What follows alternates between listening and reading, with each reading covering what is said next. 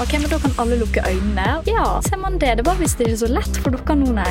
Det er ingen begrensninger på hva du kan få til, bare med litt tilpasninger og sånne ting. Og jeg kjørte på både det ene og det andre hele tiden, og rett inn i veggen. Blind ungdom og ikke fullt så blind ungdom. En podkast fra MBFU. Hallo! Så hyggelig at du har satt på en ny episode av podkasten Blind ungdom. Jeg heter Christian, og i dag skal vi snakke om idrett og fysisk aktivitet. For uh, hvordan er det å være synshemma og drive aktivt med idrett? Andrea, som du kanskje kjenner igjen fra Dating del 2-episoden, har intervjua Maren og Knut. Nå sitter jeg her sammen med Knut og Maren, og vi skal snakke om eh, idrett og fysisk aktivitet og trening i forbindelse med det å ha en eh, synshemming. Eh, så jeg tenkte at vi kan begynne med å introdusere oss selv. Har du lyst til å begynne, Maren? Jeg heter da Maren. Jeg blir 16 år i år. Og jeg holder på med klatring. Som nevnt så heter jo jeg Knut. Jeg er 22 år, bosatt i Oslo, student. Driver aktivt med idrett sjøl. Jeg heter Andrea, og jeg driver med alpint. Jeg driver også med noe som heter speedski. Jeg tenkte for vi kunne fortelle litt om hva slags synshemminger vi har, og hvor mye vi ser. Vil du begynne, Knut? Ja, jeg er sterkt svaksyn. Jeg har et syn på mellom 3 og 5% og så har jeg et synsfelt på under fem grader, så jeg ser stort sett rett fram. Jeg har da albinisme. Jeg ser rundt 10% mer eller mindre. Og jeg er da veldig lysømfintlig, som gjør at um, hvis det er sol eller skarpt lys eller dårlig lys, så ser jeg da enda mindre. Da blir jeg egentlig helt blind. Eh, og jeg har da også albinisme, det samme som Maren. Fysisk aktivitet hva betyr det for deg, Maren? For meg så betyr jo fysisk aktivitet veldig mye. Det tar jo opp mye av hverdagen min nå som jeg på en måte har begynt å satse litt mer på klatringen. da. Jeg merker jo på en måte at det er fint å ha noe å gjøre. Sånn tidligere, når jeg kanskje ikke hadde helt funnet ut hva idrett uh, som passet for meg, så var det jo sånn På et punkt gikk alle jentene i klassen min på håndball, og jeg var litt sånn Etter skolen så var det sånn alle var på håndballtrening, og hva skulle jeg gjøre da? Men nå har jeg jo på en måte begynt å klatre og funnet veldig sånn glede i det. Det jeg syns er viktig, er først og fremst det å holde kroppen i gang og ha det gøy. Eh, for tida nå så løper jeg eh, en del og har konkurrert noe i friidrett. Og så tidligere så har jeg konkurrert Eh, i langrenn. Så det har vært mye løping og ski. Det er det fortsatt. Sånn som ski, det går jeg på å finne veldig mye glede i. I marka og kan gå og i mine egne tanker, og det liker jeg eh, veldig godt. Hva gjorde at du begynte med ski, at det var det som ble din idrett? Det var vel det at oppfatta interessen gjennom ulike samlinger som jeg fikk være med på i paraskimiljøet. Så fatta jeg den interessen, og så tok det seg vel egentlig bare mer og mer opp. Men så har jeg jo vært glad i ski fra jeg var liten, og har jo gått mye på ski. Men det var liksom kick, kickstarten der da, som gjorde at jeg begynte med det. Jeg eh, driver jo også med ski, men en litt annen form for ski. da. Eh, og jeg også ble jo dratt litt inn i det, litt på samme måten som deg, via eh, samlinger med paraalpint. da. Men grunnen til at jeg begynte med alpint i utgangspunktet, var jo fordi broren min var alpinist på toppnivå. da. Ville jo bare gjøre det samme som storebror. Så jeg drev jo med alpint fra jeg var liten, på liksom helt vanlig måte sammen med seende eh, barn. da. Og tenkte ikke på selv at jeg så dårlig. Og når jeg ser tilbake på det i etterkant, så var det jo livsfarlig. og jeg kjørte på både det ene og det andre hele tiden og kjørte rett inn i veggen ved heishuset og liksom eh, Man tenker jo ikke konsekvens når man er liten, da.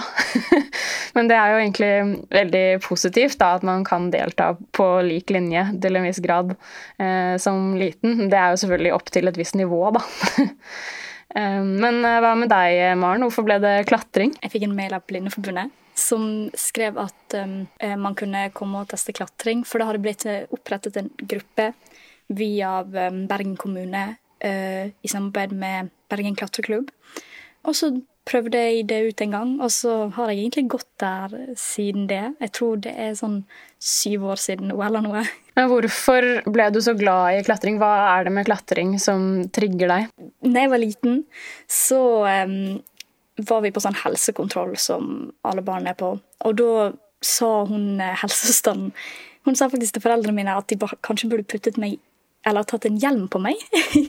da var de litt sånn Nei, det tror vi kanskje ikke. Men jeg har jo da klatret og vært høyt oppe og overalt siden jeg var liten, da. Så det er vel sikkert noe litt sånn at eh, Jeg vet ikke. Jeg liker det bare at det er litt sånn lekent. Det er ikke så mye sånn regler sånn sånn og sånn må du gjøre det. Har dere liksom prøvd noen sånne aktiviteter eller idretter som dere ikke har fått til, eller kanskje ikke turt å være med på? Nei, altså, jeg mener litt at uh, altså, alt går an å få til med tilpasninger, da, ut ifra mm mitt behov, så klarer jeg å få til ting. Men det er jo ulike situasjoner, og ulike, spesielt ballidrett kanskje, og eventuelt idretter som krever stor kontroll på balanse, sliter jeg med. Sånn som fotball eh, klarer jeg rimelig godt, eh, faktisk. Men det jeg faller ifra på eh, spilldel og når nivået går veldig opp, da. Mm. Så, men sånn som håndball og mye sånn som volleyball, basket, sånn som er i lufta, er veldig vanskelig i forhold til det å koordinere, i forhold til å ta imot, og eh, egentlig generelt eh, i forhold til motstandere og medspillere. Men eh, fotball eh, følger jeg veldig sterkt fortsatt, og jeg har drevet med fotball, spilt fotball sjøl i faktisk eh, nesten ti år. Eh, så det har vært kjekt, eh, og er kjekt, men eh, når eh, nivået tok seg opp og det ble enda mer seriøst, så skjønte jeg jo det at jeg falt ifra. Og da var det bedre for meg å følge med fra sidelinja, eller bare følge fotballinteressen fra TV eller sjøl. Jeg prøvde å forklare vennen min her om dagen faktisk, når vi hadde basketball, at eh, min beste sjanse i basket er vel egentlig å prøve å høre hvor ballen er. eh, mm. eller se hvor alle løper. Så det er vel sånne ting som eh, jeg kanskje ikke helt er så veldig god på. Nei. Jeg husker på barneskolen i friminuttene. Det folk gjør da, det er jo ofte å spille ballspill. Hos oss var det ofte dødball. Og da har man jo et, et veldig stort område med en veldig liten tennisball. eh, og der var jeg veldig god på å løpe som bare fan når noen andre ba meg om å løpe. Men jeg hadde jo ikke peiling på når den ballen ble tatt imot, da, eller landa i bakken. Så det var alltid litt sånn spennende. Det er også spennende å treffe den ballen med et balltre. um, og jeg følte meg også litt sånn utenfor da de andre spilte fotball, for det skjedde jo veldig ofte at jeg endte med å få den ballen midt i trynet. Eh, og vi vet eh, alle som har gått med briller over en lengre periode, vet at det er veldig vondt å få ball i ansiktet med briller på. De hadde jo sånne, smerte. Det er skikkelig ekte smerte, og det er sånn de der dottene som sitter inntil nesa, vet du, på litt sånn gammeldagse briller, de kommer da inn i øyet når du får den ansiktet. Det er helt forferdelig. Uh, og jeg har fortsatt sånn innebygd refleks hvis jeg går forbi en fotballbane og hører liksom lyden av en ball som blir sparket, så snur jeg meg liksom automatisk andre veien, for jeg er så redd for den ballen.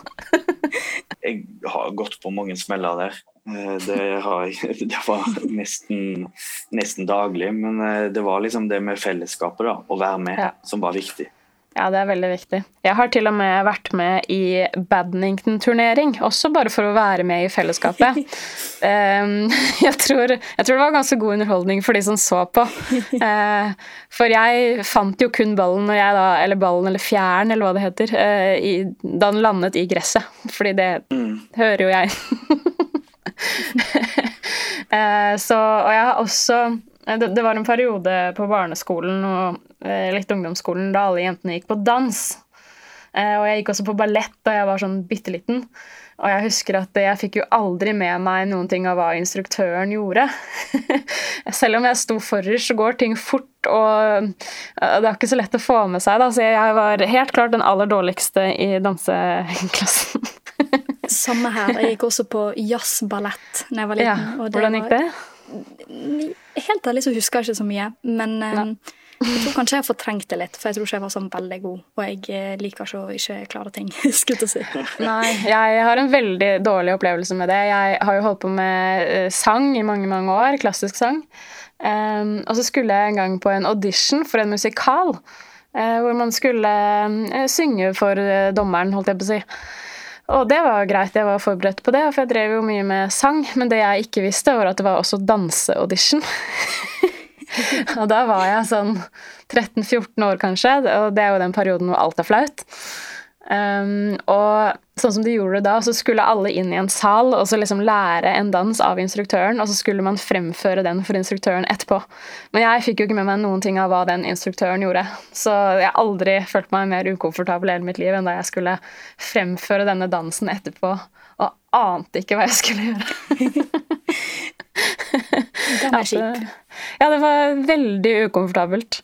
Um, når det er sagt, så foreldrene mine de har alltid vært veldig sånn at jeg skal få prøve alt. At jeg finner ut selv hva jeg ikke får til. Så jeg har gått på veldig mye forskjellige sånne aktiviteter som liten og prøvd veldig mye rart. Um, litt spesielt å ende opp med den idretten som går fortest når du ikke ser noe særlig. men, men uh, ja, man lærer jo litt sånn selv etter hvert hva man får til og ikke. Jeg har prøvd å spille squash og tennis og bordtennis og på en måte klart å skjønne selv at det ikke er noe høydere, på en måte. Men jeg tror det er veldig viktig at man prøver eh, selv, og ikke på en måte får bli fortalt av noen andre hva du kan gjøre og ikke kan gjøre. da. Men jeg, tenk, jeg tenker litt sånn at eh, idrett for meg, da, det er så utrolig viktig, fordi det er en arena hvor jeg faktisk kan være best. Eh, og som synshemmet så er det jo ikke alle arenaer du kan være best i, og det at jeg på en måte er i god form, da, og kanskje løfter mer enn eh, vennene mine som ser, på en måte, og eh, generelt er Altså briljerer i mitt felt, på en måte, det, det føles jo veldig bra. Det handler jo mye om mestringsfølelse. Jeg tror det er derfor jeg har likt klatring også, fordi jeg har prøvd så mye ting jeg ikke har fått til før. Mm. Eh, altså, jeg har gått i alt mulig. Jeg har gått i speideren. Det var det, Jeg gikk der overraskende lenge, men å gå på tur og Eh, det var ingen voksne med, det var bare barn, og de skjønte ikke at jeg så dårlig. i hvert fall. Og så var det sånn OK, men nå må vi løpe for å rekke det, og så løpe gjennom skogen. Det var ikke ideelt. Så jeg følte jo alltid at jeg på en måte sinket ned alle. Og, men når jeg begynte å klatre, så er det jo for det første en individuell sport, og jeg fikk det liksom til. Og det er sånn, jeg tror mestringsfølelse er veldig viktig. Og derfor mm. er jo også fysisk aktivitet viktig, fordi jeg føler alle kan finne én ting som de mestrer godt.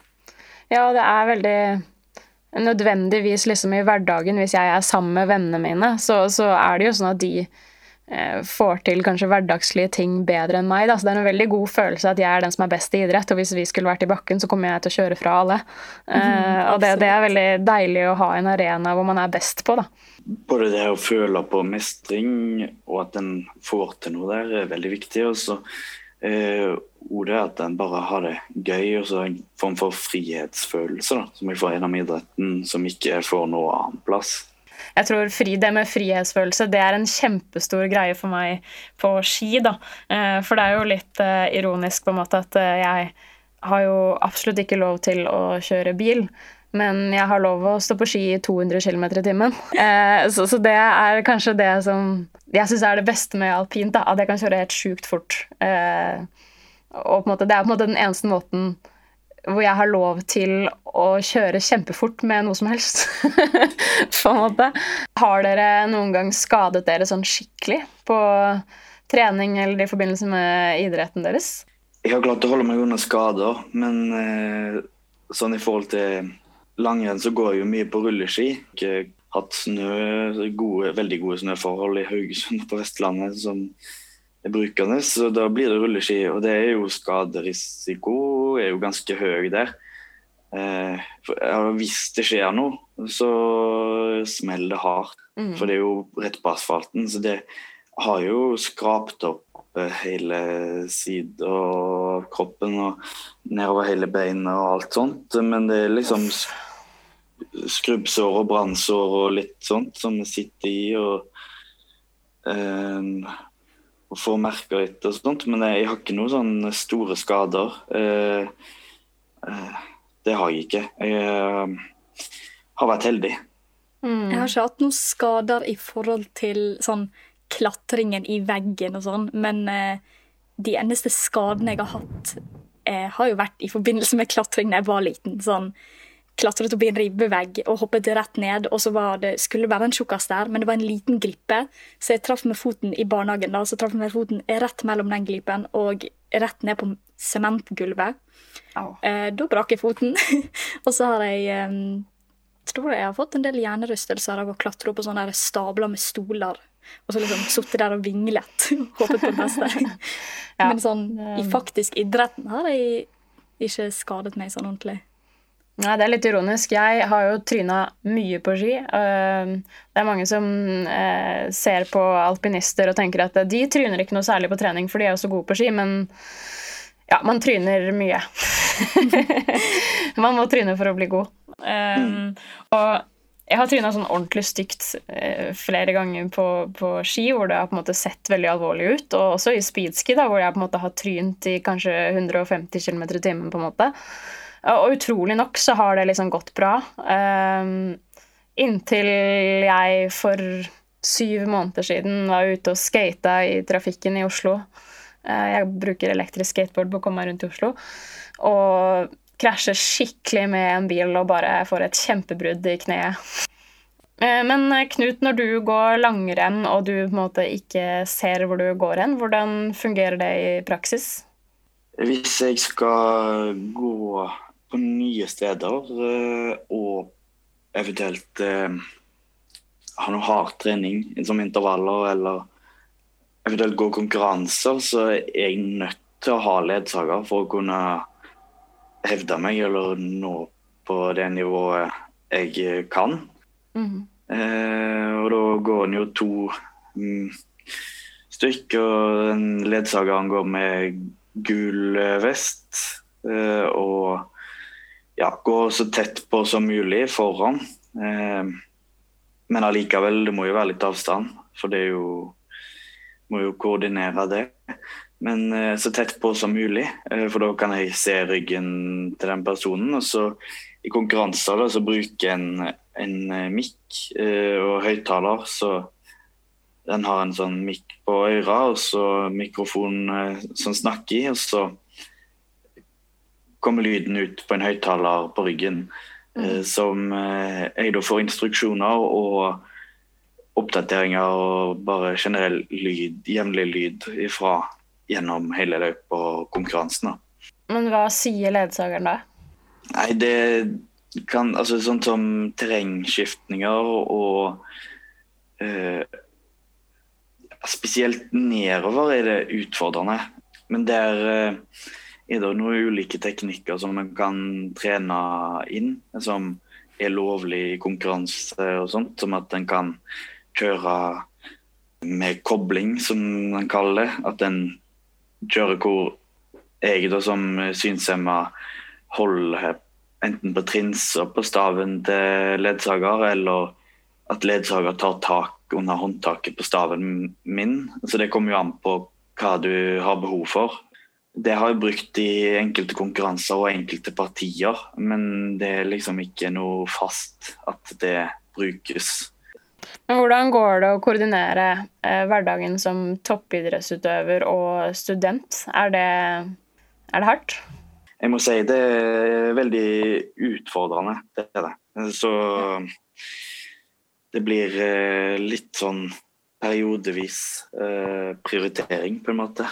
Mm det eh, jeg har erfart litt opp gjennom årene, er at eh, de som er eh, trenere på paralandslaget i alpin, f.eks., de har jo mye erfaring med skirettet trening, men ikke nødvendigvis da for synshemmede.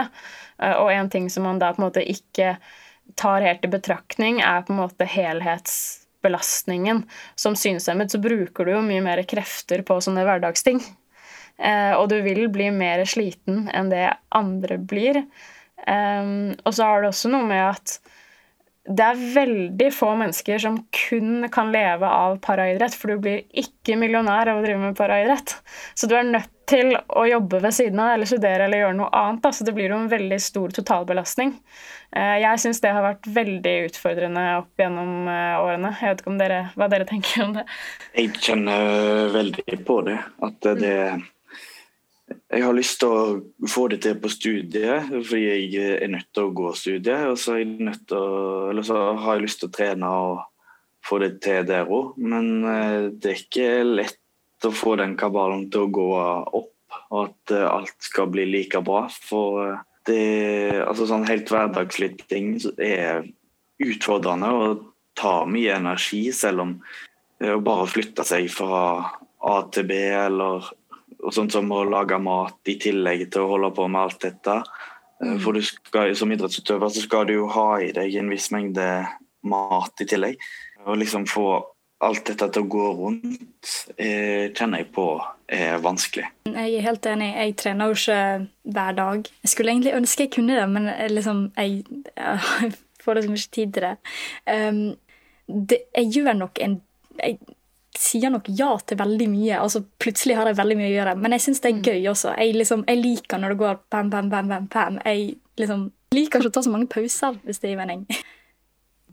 Absolutt. Og når vi snakker om det å stå på egne bein og dette med økonomi, så skal det også sies at i uh, idretter hvor man som synshemmet eller funksjonshemmet trenger en ledsager, så finnes det ingen instanser som dekker ledsagerens utgifter. så som synshemmet eh, med ledsager, så koster en satsing dobbelt så mye som det ville gjort for en individuell utøver. Det, det er et lite tankekors. ja. ja, og så sånn som jeg, f.eks. Jeg har aldri fått uh, noe hjelp til å finne ledsager heller. Uh, og det, det, må du jo gjøre sjøl. Det har vært en jakt. Uh, ja, og det det krever tid. Og så er det jo det med trening. For hvis du skal finne en ledsager, så skal du jo kunne trene med den for du skal konkurrere med den. Mm. Uh, og så er det med dekking av utgifter og sånt. Så du må ut med dobbelt. Dobbelt for hotell, dobbelt for reise, dobbelt for mm. egentlig alt. For ja, altså... ledsageren skal jo ikke ha noen utgifter sjøl. Absolutt ikke. Uh, flere, altså, Skulle hatt flere Mye, DO. Egentlig. Ja, ja. Helt klart. Jeg skulle veldig gjerne betalt leiesageren min en million i året hvis jeg kunne. ja, det var det. Ja. Det er flere ganger jeg har vært nødt til å konkurrere med ledsagere som ikke har møtt før konkurransedagen nå, faktisk. For, det... Fordi det er de eneste som har kunnet vært med. Og det, ja, altså, det, det, er jo dømt til å gå dårlig. Ja. Eh, og i tillegg så har jeg i lange perioder egentlig aldri kunnet fokusert 100% på treninger og samlinger og konkurranser, for jeg har brukt mer krefter og energi på å få tak i ledsager og finne ledsager til ulike ting. For hvis jeg ikke får ledsager, så kan jeg ikke være med på konkurransen eller samlingen. Eh, og da er det jo ikke bare å si at jeg skal være med Du kan jo melde deg på, men da er det ikke bare å trene for, du, for å få kvalitet på treninga til den konkurransen, så må du trene med ledsager. Ja, det er ganske generelt veldig mange flere ting å tenke på da, enn for vanlige idrettsutøvere. Det tror jeg ikke folk flest vet. at Det er ikke liksom bare altså Det å prestere eh, på et så høyt nivå i seg selv er jo veldig imponerende. og eh, og noe som krever veldig mye. Men når du i tillegg da har en fysisk utfordring og må ta hensyn til alle disse tingene, så gjør jo det eh, satsingen enda mer krevende. Mm. Eh, og det er jo en grunn til at veldig mange faller av. Um, dette her kunne vi ha pratet om i et helt døgn. ja, det, det, det fins ingen grenser Det fins ingen grenser om hvor lenge en kan snakke om dette her. Nei, jeg tror vi mener veldig mye om det. Men jeg tror, sånn, jeg tror sånn i hovedsak at det alle kan være enige om, er sånn at de har vel skilt de to for at det skal være rettferdig, men det blir jo bare mer urettferdig fordi um, paraidretten får jo nesten ingen ressurser i forhold til det den, den vanlige idretten får. Eh, så det blir jo egentlig bare mer urettferdig når det egentlig er mye mer å tenke på. ja, og så er det veldig, som vi snakket om i stad, det med profesjonalitet. Det er veldig forskjellig fra idrett til idrett. da. Ja. Eh, I noen idretter så har man jo et stort støtteapparat. Ikke på langt nær så stort som du har i en vanlig på et vanlig landslag, men du har på en måte tilknytning til Olympiatoppen, og, eh, og det er et ordentlig gåseøyne opplegg rundt det. Eh, mens jeg har f.eks. konkurrert litt i vannski, og det er det jo ingen som vet noe som helst om. og det er en idrett hvor er bare sånn eh, Jeg har trent litt med landslaget bare sånn for gøy, da. Og så sa de til meg på et eller annet tidspunkt at vi har en åpen plass i VM til eh, sommeren fordi vi har en på laget som er skadet, og så lurte de på om jeg ville fylle den plassen. Og da lo jeg bare av det, for jeg har bare vært med liksom for gøy. Jeg er jo ikke proff i vannski, liksom. Og så viser det seg to uker før at de hadde jo søren meg meldt meg på. og, og, det sier litt, da, at det går an å bare melde seg på et VM. ja, det er spesielt. Uten å på en måte, altså Vanligvis, hvis du skal være med et VM, så må du jo ha trent i alle herrens år. på en måte. Mm. og, og, kvalifisere deg, på en måte. Og her, her, også var det jo ikke noe Det handler også litt om Det er interessant i forhold til klassifisering, da, for det var ikke noe problem å komme inn der. Der kunne jeg gå til eh, optikeren min og ta en enkel synstest som jeg leverte inn, og det var helt fint, liksom. Eh, og ikke noe problem med å komme inn der i det hele tatt. Eh, og det er også ganske fascinerende da, at det er jo bare to i min klasse, så så lenge jeg ikke ble diska, så jeg, var jeg garantert sølv i VM. Eh, så det er ganske kult å ha sølv i vannski-VM, men det føles også litt sånn kjipt å vite at ja, det var jo bare én annen i min klasse som jeg slo. Eller som jeg, jeg slo jo ingen, egentlig. Det var jo bare én annen i klassen min, og hun er jo proff. Så jeg måtte jo bare ikke tryne. det er litt sånn Ja. Eh, så, så det har vært en, en del ganger i mitt liv hvor jeg på en måte ja, det er kult å vinne, men det hadde vært litt kult å ha noen flere konkurrenter å slå. ja, det var litt sånn når folk spurte sånn når jeg var sånn Ja, jeg var med i NM, det var veldig gøy. Eh, og folk var litt sånn Å ja, hvor mange var med? Så var jeg litt sånn Ja, det Ingen. Ingen andre. det var bare meg. ja, nettopp. Og det er litt sånn ja. bittersweet, om man kan si det sånn. Ja, fordi det liksom sånn Når det ikke er så mange med, så og så høres det med en gang ut som du egentlig er dritdårlig. Mm -hmm. Selv om, om, det hadde vært flere folk med, så kunne du kanskje vært den beste uansett. Men liksom Man får jo på en måte aldri visst det sånn helt sikkert. Nei. Ja, det er interessant. Eh, vi har fått et par eh, spørsmål fra noen lyttere. Eh, det første som blir spurt om her, er hvilke øvelser er best for synshemmede? Svaret er alltid det kommer an på. Men en ting som synshemmede generelt har utfordringer med, det er jo balanse og koordinasjon, fordi at balanse henger veldig tett sammen med syn. Har du lyst til å si noe mer om det, Knut? Balansen vil alltid være utfordrende. Det er jo eh, noe som kan trenes opp til å bli bedre, men det, du vil alltid slite med det, og det vil være utfordrende. Eh, mm. og det er liksom enkelte ting som nesten, nesten er umulig å få til. Det er jo fordi du, Det som er greia når du skal ha god balanse, det er jo at en kan feste blikket på et punkt. Hvis en ikke ser eller ikke ser godt, så klarer en kanskje ikke feste blikket én plass. Så, det er liksom så mange komponenter som er veldig vanskelig. Da, og til mange så sier du jo for å gjøre det litt vanskeligere, så kan du prøve å lukke øynene. Men det har jo vi nesten allerede fra utgangspunktet, fordi at du har liksom ikke Du ser jo ikke som de andre, og du har jo den utfordringen fra starten av at du ikke ser.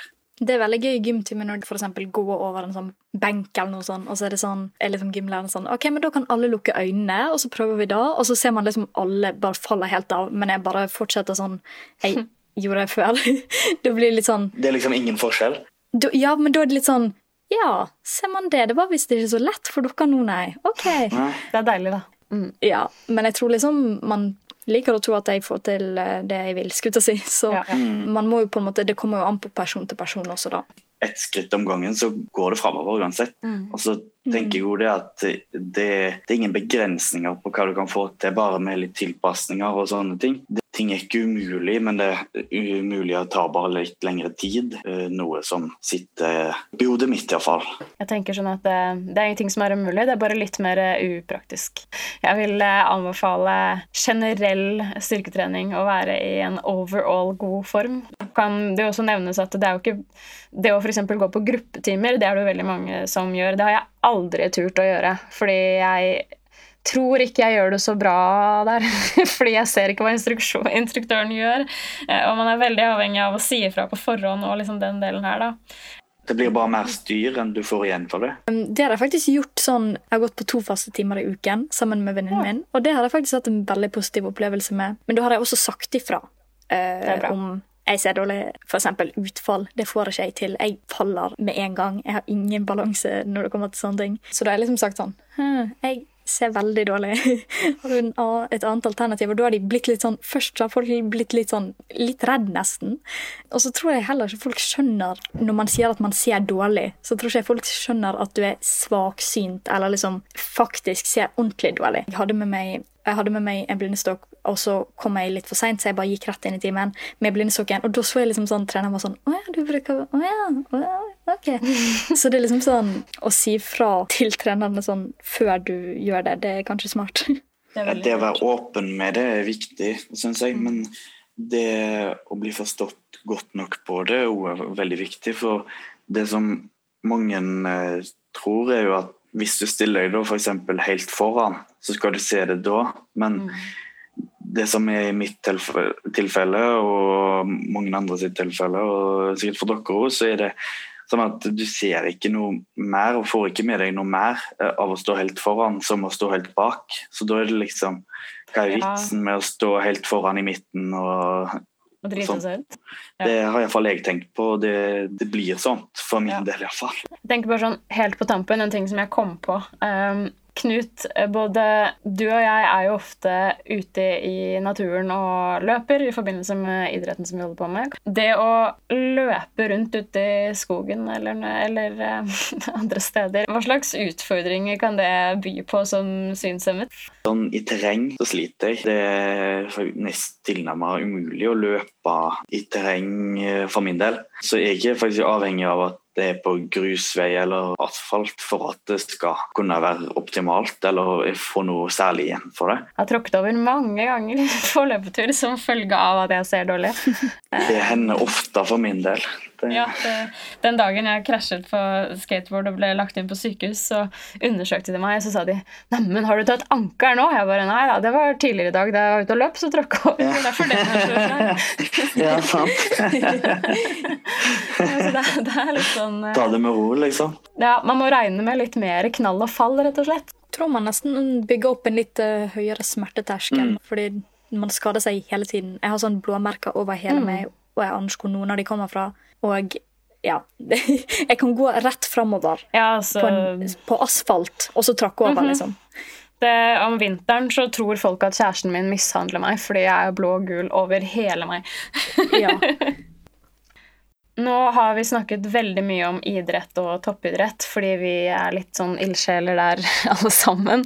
Eh, Men eh, det viktigste for folk flest er jo hverdagsaktivitet og på en måte det å, det å røre på seg og komme seg over dørstokkmila.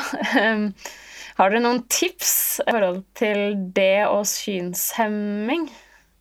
Jeg vil si det er jo egentlig at eh, all form for aktivitet er, er bra og viktig. Det trenger ikke være noe mer enn å gå en liten tur eller bare bevege seg litt. Bare det å få beveget seg, få kroppen litt i gang, få gjort noe annet, hjelper faktisk eh, fryktelig mye. Jeg tror det er veldig viktig å finne noe du syns er gøy. Det er jo ikke sånn at jeg gleder meg til hver eneste klatretrening, men overall skulle jeg si, så syns jeg jo det er gøy. eh, Og det er jo derfor jeg er såpass aktiv som jeg er. Før jeg på en måte fant ordentlig gleden i klatring, så var jeg ikke så veldig aktiv. Så jeg tror det, liksom, det trenger ikke være noe stort heller. Og for eksempel sånn som Knut sa, bare gå en tur. Men å bare finne noe du syns er gøy. Om du eksempel kan høre på en podkast eller musikk mens du går på tur, sånn at du har noe du syns er gøy med den aktiviteten. da. det er jo mange som f.eks. når man mister synet da, og har sett godt tidligere, så blir man veldig fort inaktiv. Og så det fører jo til veldig mange negative ting.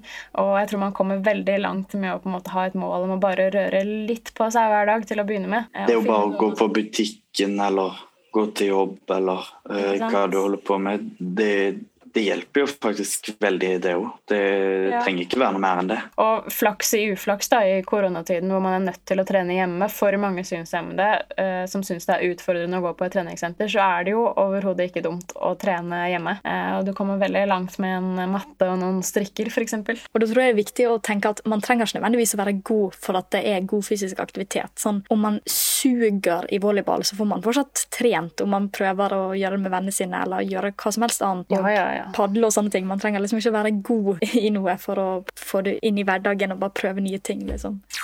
Nå har vi skravlet om uh, idrett altfor lenge, så vi bør vel kanskje komme til en slags avslutning. Vi kunne ha holdt på i all evighet. Men det var veldig veldig hyggelig at dere tok dere tid til å prate med meg i dag. Tusen takk for det. Det var veldig, veldig hyggelig å være med. Det har vært fint, dette. Ja.